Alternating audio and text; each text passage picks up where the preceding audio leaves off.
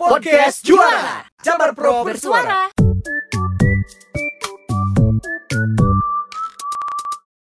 Selamat datang kembali di podcast Juara Jabar Pro bersuara di program beranda bersama dengan DP3 AKB Dan Yudi Reven senang sekali bisa bertemu lagi wargi Jabar ya narasumber-narasumber yang luar biasa ya Oke, untuk digali informasinya. Dan tentunya juga sekarang kita akan ngebahas tentang stopan Jabar. Stop perkawinan anak. Anak. Jawa Barat. Nah, angka pernikahan anak di Jawa Barat tentunya masih tinggi. Pada periode Januari sampai dengan Juni 2020 ada 2.869 pengajuan dispensasi perkawinan ya yang diajukan tentunya calon mempelai. Dispensasi diajukan ini karena usia salah satu calon mempelai di bawah usia 19 tahun. Wow, ya. Angka pengajuan dispensasi ini pun diprediksi akan meningkat ya saat pandemi COVID-19. Terdapat enam alasan nih mengapa banyak dispensasi pernikahan diajukan di pengadilan agama. Yang pertama adalah faktor ekonomi. Yang kedua lapangan pekerjaan yang terbatas. Yang ketiga pendidikan. Yang keempat itu adalah faktor adat istiadat. Faktor yang kelima adalah kekhawatiran dari orang tua dan yang terakhir adalah kehamilan yang tidak dikehendaki ya dari sejumlah faktor tersebut tentunya kehamilan di luar nikah menjadi salah satu penyebab terbanyak. Dan kita akan berbincang langsung tentunya dengan Ibu Iin Indasari Kabid Peningkatan Kualitas Keluarga dari Dinas Pemberdayaan Perempuan Perlindungan Anak dan Keluarga Berencana Jawa Barat. Hadir pula tentunya di sini ada Kang Anditar fasilitator Forum Anak Jawa Barat. Apa kabar semuanya? Alhamdulillah Kang Yudi Sehat-sehat ya. sehat. Oke. Seba- eh, sebelum kita ngebahas tentang stopan Jabar, ini amazed tadi ketika datang ke kantor DP3 AKB ya. Oke, di, di depan ada warung cetar apa sih Bu? Kalau boleh tahu? Warung cetar itu kepanjangan dari warung cewek cetrong Oke. dan ceria. Oh, oke.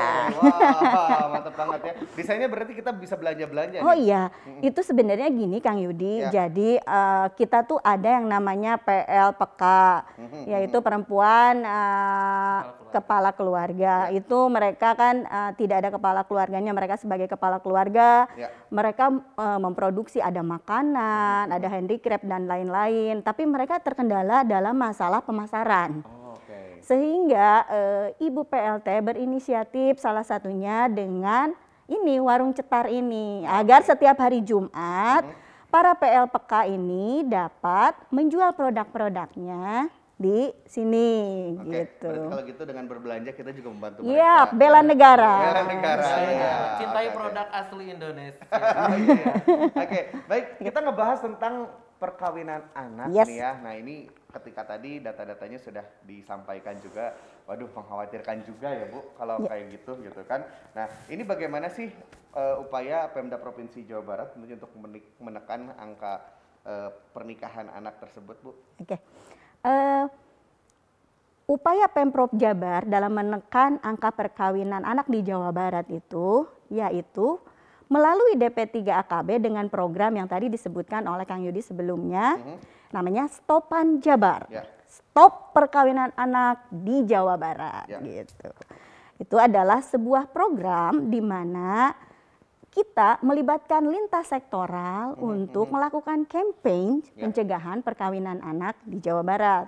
Kita melibatkan ada lini lapang yang misalnya ada motekar, Motekar. motivator ketahanan keluarga. Ya. Di Jawa Barat kita ada 666 orang eh, motivator ketahanan keluarga. Kemudian kita ada yang namanya TPD, tim penggerak desa kelurahan. Ada 2000 orang di Jawa Barat. Kita juga ada yang namanya FAD, Forum Anak Daerah. Itu lebih dari eh, ribuan, lebih dari 4000 eh, orang. Kemudian kita juga ada Puspaga, Pusat Pembelajaran Keluarga. Jadi eh, semuanya kita berkolaborasi melakukan campaign pencegahan perkawinan anak, termasuk dengan lintas sektoral. Kita juga melakukan eh, kerjasama dengan eh, Kemenak dan BKKBN eh, perwakilan Provinsi Jawa Barat. Mhm. Boleh update dong Bu sekarang Ya. untuk data pernikahan anak di Jawa Barat saat ini terlebih saat COVID-19 pandemi COVID-19 gitu Bu? Oke, justru itu yang menarik eh, karena per- diperkirakan ketika COVID itu justru pernikahan eh, pernikahan anak akan meningkat. Iya. Tetapi eh, kalau berdasarkan data dari Kemenag, Ya. jadi eh, Jawa Barat ini memang memiliki angka perkawinan anak yang tinggi. Kita tuh posisi di 18 nasional. besar, nasional, Ah, oke. 18 itu tahun 2019.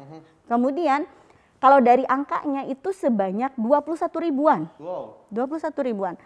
Tetapi eh, pada awal tahun 2020 Pak Gubernur menginstruksikan eh, IKP instruksi khusus eh, pimpinan kepada DP3 AKB untuk melakukan berbagai upaya untuk mencegah perkawinan anak sehingga perkawinan anak harus di bawah 15 ribu. Dan pada akhir tahun 2020 perkawinan anak dapat ditekan dengan angka sekitar 9.821 eh, orang. Itu dari dari 21.000 menjadi 9.000 sekian. Ya, hampir 10 ribuan lah ya, Ya, 9.800 sekian. Eh, artinya eh, ternyata pandemi ini tidak menyebabkan pena- kenaikan Oh. di Jawa Barat secara umum. Memang ada beberapa kabupaten kota yang mm, meningkat. Ya. Ada kalau nggak salah di empat atau lima kabupaten kota yang meningkat, eh, termasuk salah satunya di Kabupaten Indramayu. Mhm. Tetapi secara umum di Jawa Barat eh, terjadi penurunan. Mhm. Kira-kira apa sih faktor yang paling banyak gitu Bu dari perkawinan anak ini? Eh, jadi perkawinan anak di Jawa Barat itu tidak jauh berbeda dengan perkawinan anak eh, secara nasional ya Ya. penyebabnya. Jadi secara general ya tadi seperti yang disebutkan sama eh, Kang Yudi tadi di awal bahwa yang pertama adalah permasalahan ekonomi. Ya, ya. Permasalahan ekonomi. Kemudian yang kedua adalah permasalahan pendidikan atau pengetahuan. Ya. Yang ketiga, masalah ini adalah nilai budaya atau kepercayaan. Dan keempat, itu globalisasi atau akses terhadap uh, informasi yang demikian mudah. Ah. Itu sebenarnya empat, uh, empat garis besar Mhm. yang menyebabkan terjadinya perkawinan anak di Jawa Barat. Mhm. Nah, kita eh, coba deh lihat perspektif dari Kang Anitar. Aduh. Oke, tentang perkawinan anak ini seperti apa coba boleh? Kalau perkawinan Sharing. anak ya, menurut kami, menurut Ya. saya khususnya bahwa Ya. ini tuh adalah hal yang kompleks sekali. Aduh. Namun yang kami lihat bahwa pernikahan usia anak ini adalah se- sesuatu yang menjadikan si anak itu terenggut hak-haknya. Anak itu mempunyai 31 hak anak Mhm, mhm. yang terdapat dalam konvensi hak anak ini bukan main-main loh. Iya, ini iya. bukan kata aku, Mm-mm. ini bukan kata mamah aku, Oke. bukan kata Bu Iin juga, tapi ini adalah kata seluruh orang di dunia Oke. yang dulu menyusun konvensi hak anak. Mhm. Terbagi dari lima eh, klaster, dibagi menjadi lima klaster yaitu Apa aja tuh? Klaster satu hak sipil dan kebebasan. Mhm. Nih dengan anak eh, menjadi eh, pelaku atau korban, kita sebutnya korban ya, Mhm, korban dari pernikahan usia anak.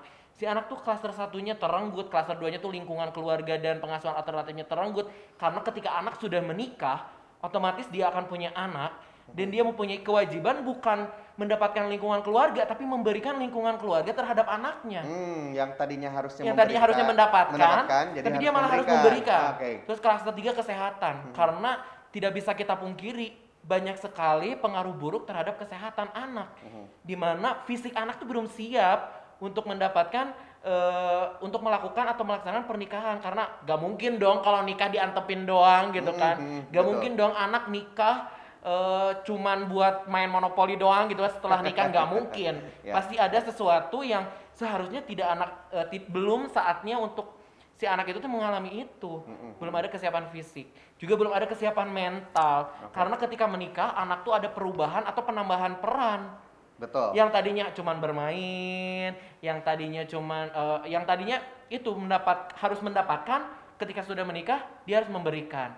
Terus eh, pendidikan tidak tidak sedikit bahkan hampir semua anak yang sudah menikah itu tidak bisa mengakses pendidikan lagi Ya, ya. Contohnya anak SMP yang sudah menikah, emang ada sekolah yang mau menerima dia untuk tetap melanjutkan sekolah? Mhm. Nggak ada kan? Karena si anak ini eh, dianggap yang sudah menikah ini sudah bukan anak lagi, padahal dia Oke. tidak bisa merubah status dia sebagai anak meskipun sudah menikah gitu. Berarti kebanyakan gitu ya kalau misalnya ada eh, pernikahan anak terus Hmm. dia masih duduk di bangku sekolah, putus, biasanya eh, apa? Hak dia untuk mendapatkan pendidikan jadi sulit terhenti. ya, sulit terhenti. karena tidak bisa melanjutkan atau Mm-mm. mungkin sudah sibuk dengan Ya. eh, kehidupan berumah tangganya. Dan yang baru. stigma di masyarakat juga kalau anak sudah menikah ya dia dianggapnya sudah bukan anak lagi. Hmm, dia sudah oke. siap untuk berhidup eh, hidup bermasyarakat gitu. Oke, Jadi walaupun usianya di bawah walau 19 usianya masih tahun. anak gitu Hmm. dan masih butuh perlindungan dari kita sebagai orang dewasa. Oke, gitu. pernah kepikiran untuk eh, nikah muda atau Kalau nikah muda kan eh, tergantung ya perspektif Eh. mudanya tuh kita persepsi mudanya tuh berapa gitu. Kalau aku nikah muda ya umur 25 juga masih muda. Oke. Umur 27 juga masih muda gitu kan bagi aku. Oke. Kalau nikah muda gitu. Kalau nikah anak no, itu haram ya. Oke, haram ya. Haram. Haram. Oke, terima kasih Kang Andi. Baik, dan tentunya beralih ke Bu In. Bu In, Ya. boleh tahu nggak seperti apa sih pelaksanaan Stopan Jabar ini? Sosialisasinya mungkin atau pelaksanaan langsung Oke. terjun ke lapangan? Eh, eh, yang pertama kita sudah yang sudah kita lakukan adalah kita sudah membuat eh, kesepakatan atau MOU dengan eh, BKKBN, perwakilan dan Kemenag, eh, juga dengan dinas-dinas pengampu eh, PPA di kabupaten kota Ya. agar bersama-sama bergerak untuk melakukan kampanye pencegahan perkawinan anak. Ya. Kemudian eh, untuk yang motekar eh, kita menambahkan eh, KPI atau Key Performance Indicatornya di mana mereka itu harus eh, mensosialisasikan setidak-tidaknya kepada 20 orang Ya. selama satu sa- dalam satu bulan dalam satu bulan kepada eh, 20 orang. Kemudian yang TPD TPD kan ada 2000 orang tuh. Setidaknya karena mereka itu ada petugas tugas pokoknya adalah PLKB. Jadi mereka kita kasih KPI tambahannya yaitu 10 orang. Jadi setiap bulan mereka harus mensosialisasikan kepada 10 orang. Jadi ya kalau kita tambah-tambahkan kali-kalikan setidak-tidaknya dari TPD dan Motekar saja mungkin kita bisa hitung sekitar 400 ribuan dapat eh, tersosialisasi masalah pencegahan perkawinan anak ini. Nah kalau misalnya keluarganya ada empat orang atau lima orang tinggal dikalikan aja gitu itu untuk yang eh, sudah kita lakukan. Nah kemudian nanti di bulan Juni dan bulan Juli kita eh, melakukan memperlebar kolaborasi. Ya. Intinya nanti kita akan eh, apa mengajak eh, OPD-OPD lain untuk juga dapat mensukseskan stopan jabar atau mencegah perkawinan anak di Jawa Barat gitu. Jadi kolaborasi akan terus Ya. digaungkan ya Bu ya, Ya, dengan betul. siapa pun gitu. Ya betul. Oke, nah salah satunya kolaborasi dengan eh, Forum Anak Jawa Yes, Barat. gitu. yes. Lupa Nah, tadi kelewat, sorry. oke. Pera- perannya seperti apa nih dalam mensupport eh, Stopan Jabar ini? Kalau forum anak ya, kalau forum anak di sini kita harus eh, kembali mengingatkan, mungkinnya menyampaikan juga kepada bapak ibu nanti yang nonton di rumah atau di mana pun juga bahwa anak itu bukan hanya subjek, eh bukan hanya objek dari eh, pencegahan pernikahan usia anak ini, tapi anak juga sebagai subjek, di mana kita bisa berperan sebagai pelopor dan pelapor. Nih, karena anak eh, hanya dua itu saja perannya. Ya. Karena tetap yang menanganinya, yang eh, menjadi pemecah masalahnya tetap orang-orang dewasa dan eh, pihak-pihak yang berwenang. Kalau kita di forum anak sendiri, saya sebagai fasilitator juga kemarin mendampingi adik- adik-adik saya di pengurus forum anak Jawa Barat melakukan sosialisasi webinar. Kemarin juga diikuti oleh sekitar 800 orang. Oh, Oke. Itu Itu tersebar- seluruh Jawa Barat. itu seluruh 27 eh, kita kemarin eh, bukan hanya orang Jawa Barat, ternyata Hmm, ada orang yang dari luar Jawa Barat juga dan kita pakai dua metode ya. yaitu da- mele- melalui Zoom dan juga live di eh, YouTube. YouTube. Hmm. Jadi kita eh, sasarannya lebih lebih general lagi, lebih lebih luas lagi Ya, ya. karena tidak hanya orang Jawa Barat saja yang bisa masuk ke acara kita. Hmm.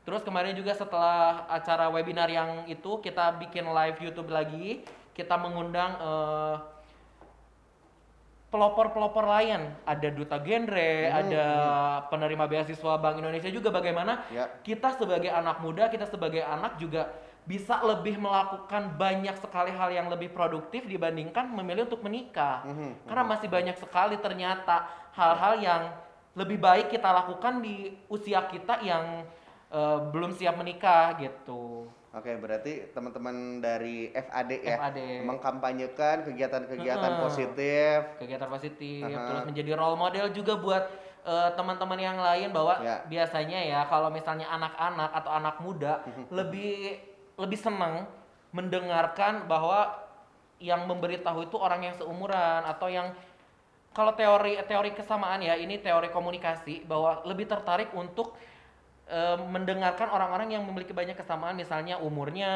Ya. terus latar belakang pendidikannya Mhm, nah itu yang kita lakukan sebagai pelopor dan pelapor untuk menginfluence anak-anak yang lainnya Oke, ini salah satu kolaboratornya udah Yes. luar biasa ya Bu ini ya. Oke, didukung oleh FAD Ya, gitu ya betul. kampanye-kampanye positifnya tentang kegiatan-kegiatan lain di luar perkawinan anak Oh, tentunya betul. ya. Baik, dan eh, Bu In, kita tahu bahwa perkawinan anak ini ya di bawah usia ini pasti ada dominus effect ya.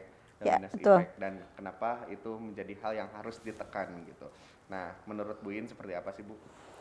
Eh, jadi perkawinan anak ini merupakan akar atau sumber dari berbagai permasalahan yang lainnya. Kenapa? Yang pertama eh, dapat menyebabkan kematian pada ibu dan anak. Mhm. Kenapa? Karena memang anak-anak ini secara fisik mereka belum siap untuk melahirkan. Ketika eh, mereka hamil harus melahirkan, resiko terjadinya distokia atau kesulitan dalam melahirkan, resiko terjadinya perdarahan, bahkan eh, mengarah meningkatkan resiko pada kematian. Kemudian permasalahan yang kedua yang bisa timbul adalah mendorong pada kekerasan. Kenapa? Karena memang secara mental, spiritual mereka belum siap juga sehingga eh, rentan terhadap kekerasan baik pada anak ataupun pada perempuan. Bahkan mungkin eh, tidak menutup kemungkinan juga kekerasan eh, terhadap laki-laki gitu. Jadi eh, kekerasan tidak hanya baik perempuan dan anak tetapi juga pada laki-laki. Yang pada akhirnya ini nanti akan bisa mendorong pada perceraian.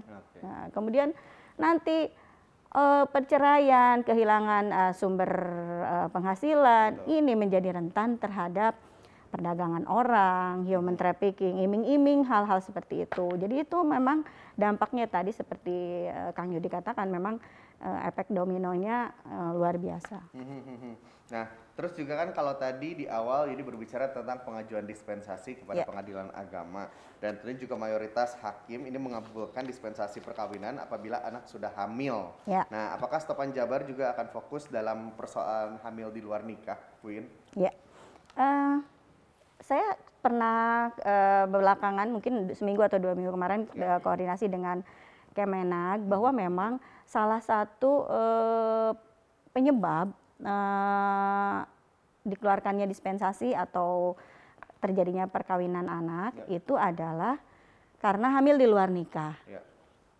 Eh, ini tetap menjadi concern kita juga karena ini mungkin disebabkan dari tadi yang eh, penyebab keempat yaitu efek dari globalisasi. Globalisasi di mana anak-anak itu sedari kita kecil sudah di dipertontonkan atau eh, sudah nonton tuh misalnya eh, film-film kartun yang memang selalu diakhiri dengan happy e- happy ending dalam Ah, pernikahan. Ya, ya. Padahal eh, hanya dilihat eh, bahagianya saja, Oke. tidak tidak pernah ya tidak tidak pernah diperlihatkan Ya. bagaimana eh, toleransi yang harus dibuat, bagaimana tanggung jawab yang harus dibuat. Kemudian selain itu juga banyak influencer-influencer yang memang misalnya eh, eh, melakukan apa? Sekarang tuh foto-foto eh, maternity, Oh, oke. kemudian dengan mereka men- eh, menikah usia muda. Saya lihat ba- di berbagai media sosial Iya, itu memang seperti itu atau banyaklah campaign-campaign yang seperti itu bahkan yang kemarin-kemarin kan kita rame dengan adanya Aisyah Wedding yang menawarkan Iya. eh, perkawinan eh, muda dan lain-lain Iya, iya. itu menjadi eh, tentu saja harus menjadi concern dari pemerintah. Itu sebabnya harus berkolaborasi karena kami sendiri di DP3 AKB tidak bisa bekerja sendiri. Betul. Misalnya untuk menyaring hal-hal seperti itu memang sulit, tapi memang tetap kita eh, lakukan. Eh, di kami juga ada yang namanya program Stangkai ya. Tangkai. Eh, eh, sep- Sekolah aman menggunakan Ya, gawai. salah satunya itu. Jadi biar si gawainya ini tidak dipergunakan untuk mengakses hal-hal yang memang akan mengarah pada eh, apa? Resiko, resiko terjadinya terjadinya salah satunya adalah perkawinan anak. perkawinan anak. Oke, seperti kita tahu Bu In dan Kang Andi bahwa keluarga ini adalah eh, apa ya eh, basic ya yang terpenting. Nah dan tentunya juga keluarga ini adalah bagaimana eh, garda pertama nih untuk mencegah perkawinan anak. Nah bagaimana sih imbauan dari eh, apa pemerintah provinsi Jawa Barat dalam hal ini adalah perwakilannya dari DP3 AKB dari Bu In nih. Seperti apa sih untuk keluarga-keluarga gitu yang menyaksikan ini Bu? Oke. Eh, untuk keluarga-keluarga di Jawa Barat itu harus eh, memahami bahwa eh, masa anak-anak adalah masa-masa untuk bermain, Ya. untuk belajar, untuk eh, mengeksplor diri, untuk menggapai cita-cita. Eh, kalau bapak dan ibu atau keluarga-keluarga menikahkan anaknya di usia anak, itu direnggut atau dengan kata lain mengingkari hak anak untuk lebih sehat, untuk lebih berpendidikan dan untuk memiliki masa depan yang lebih baik. Itu jadi stop perkawinan anak, eh, kemudian eh, untuk mewujudkan keluarga-keluarga di Jawa Barat menjadi keluarga-keluarga yang juara lahir dan batin. Oke, luar biasa sekali. Boleh plus dulu yang buat Bu Iin dan Kang Andita ya. Oke, mungkin ada yang mau disampaikan karena waktu juga yang harus memisahkan kita di closing statement ini mungkin dari Kang Andita dulu apa yang mau disampaikan buat warga Jawa Barat. Kalau aku sih eh, yang paling penting ya, ini peran keluarga tuh sangat sangat sangat sangat, sangat- tuh, saking banyaknya, saking pentingnya, sangat penting. Kalau misalnya ada yang bisa aku ungkapkan untuk menggambarkan kepentingan ini dari lebih dari kata sangat, Oke. mungkin akan aku ucapkan, tapi karena tidak ada lagi, jadi sangat penting sekali Oke. buat keluarga tuh Sangat pangkat empat kali ya, sangat sangat sangat sangat. Oh, jadi banyak banget untuk keluarga tuh sadar terhadap hak-hak anak. Ya. Tidak perlu belajar konvensi hak anak mungkin ya, tapi hak anak itu memang sudah dari dulu ini turun temurun ya. Anak-anak itu mempunyai hak untuk eh, bermain, berpendidikan, terus juga eh, mendapatkan kesehatan. Mungkin ya, kalau anak-anak zaman dulu yang hareeng gitu ya orang tuanya tuh langsung dicece gitu kan, langsung dikompres. Nah, itu kenapa kita tidak bisa mengembalikan itu? Oke, oke. gitu. Dan yang paling penting adalah komunikasi antara keluarga dan anak. Jadi keluarga itu harus menjadi tempat yang paling nyaman untuk anak. Sehingga si anak itu tidak mencari kenyamanan-kenyamanan lain di luar keluarga. Karena salah satu faktor pendukung terjadinya perkawinan usia anak, si anak tuh tidak menemukan kenyamanan di keluarga. Terus dia ketemu sama pasangannya yang bisa bikin dia nyaman dan akhirnya dia terhanyut terlalu dalam baper gitu kan. Oke. Harusnya keluarga menjadi cinta pertamanya si anak, bukan orang di luar keluarga. Oke. Dan yang paling penting keluarga juga harus bisa memberikan motivasi kepada anak untuk bijak menggunakan internet. Karena kita sekarang ya eh, yang awalnya nih setangka ini awalnya sekolah tanpa kendali gawai. Tapi sekarang berubah menjadi sekolah aman menggunakan gawai. Kenapa? Karena kita sekarang masih tidak bisa belum bisa lepas dari pandemi COVID-19 yang mengharuskan perubahan eh, yang tadinya konvensional, yang tadinya eh, tradisional menjadi digital. Jadi di sini gimana keluarga itu benar kata Bu Iin bahwa keluarga harus bisa yang pertama mengajarkan bukan mengajarkan ya lebih ke memotivasi anak ya karena tidak semua eh, orang tua juga eh, melek terhadap internet. Ya. Jadi di sini peran keluarga adalah eh, bisa mengawasi, bisa mendampingi anak untuk bijak eh, menggunakan internet gitu. Oke, luar biasa. Jadi intinya adalah kembalikan hak anak Hak ya, anak. untuk kembali fitrah menjadi seorang anak Dan tentunya, optimalkan ya. peran keluarga. Oke, luar biasa. Bu Win, apa yang mau disampaikan nih untuk wargi Jabar as a closing statement? Hmm. Eh, untuk wargi Jawa Barat, kalau misalnya ada permasalahan terkait keluarga, termasuk salah satunya tentang pengasuhan anak ataupun pencegahan perkawinan anak, kita memiliki yang namanya Puspaga atau Pusat Pembelajaran Keluarga. Eh, kantornya ada di sini, jadi bisa datang aja langsung ke kantor DP3 AKB di Jalan Sumatera nomor 50 Bandung, tepatnya di belakang BIP. Di sini ada yang namanya Puspaga atau Pusat Pembelajaran Keluarga. Kemudian eh, Bapak dan Ibu juga bisa dicari di desanya masing-masing. Eh, ada yang namanya eh, TPD, ada yang namanya Motekar. Nanti kalau misalnya mau eh, mendapat informasi-informasi tentang pencegahan perkawinan anak bisa menghubungi mereka. Tetapi kalau misalnya Puspaga juga oh ya, Puspaga bukan hanya ada di sini, tetapi Puspaga juga eh, ada di 12 kabupaten kota yang lainnya. Uh, tapi memang belum ada di 27 kabupaten kota, baru ada di 12 kabupaten kota. Tapi kalau untuk yang di Jawa Barat ada di kantor ini. Jadi tidak perlu sungkan-sungkan. Kita memiliki uh, ya, medsosnya juga ya, bisa dicari di DP3 AKB Jabar. Uh, bagaimana nanti Bapak dan Ibu uh, disediakan ada konseling gratis di situ. Jadi bisa bisa usah bayar ya? Yes. Usah bayar. Free, free. Oke. ya, gitu mungkin, mungkin uh, Kang Yudi. Baik, terima kasih Bu In. Tentunya Kang Anditar, sebelum kita berpisah, boleh yuk bareng-bareng yuk stop perkawinan anak Jawa Barat gitu Siap. ya. Oke ya. Oke, sebagai kampanye kita tentunya untuk mencegah ya, bahkan jangan ada lagi deh perkawinan anak di Jawa Barat Iya. gitu. Yap. Stop gitu yuk. Oke. Siap ya, satu dua tiga ya. Satu dua tiga. Stop perkawinan anak di Jawa Barat. Oke. Sekali lagi boleh tepuk tangan yang meriah. Terima kasih tentunya wargi Jabar yang sudah menonton dan mendengarkan podcast Juara Jabar Prop Bersuara tentunya di programnya Beranda barengan DP3 AKB ya. Ikuti terus program-program lainnya dan informasi-informasi lainnya tentunya podcast Juara bersama saya Yudi Revan. Sampai jumpa. Wassalamualaikum warahmatullahi wabarakatuh. Bye. Wah.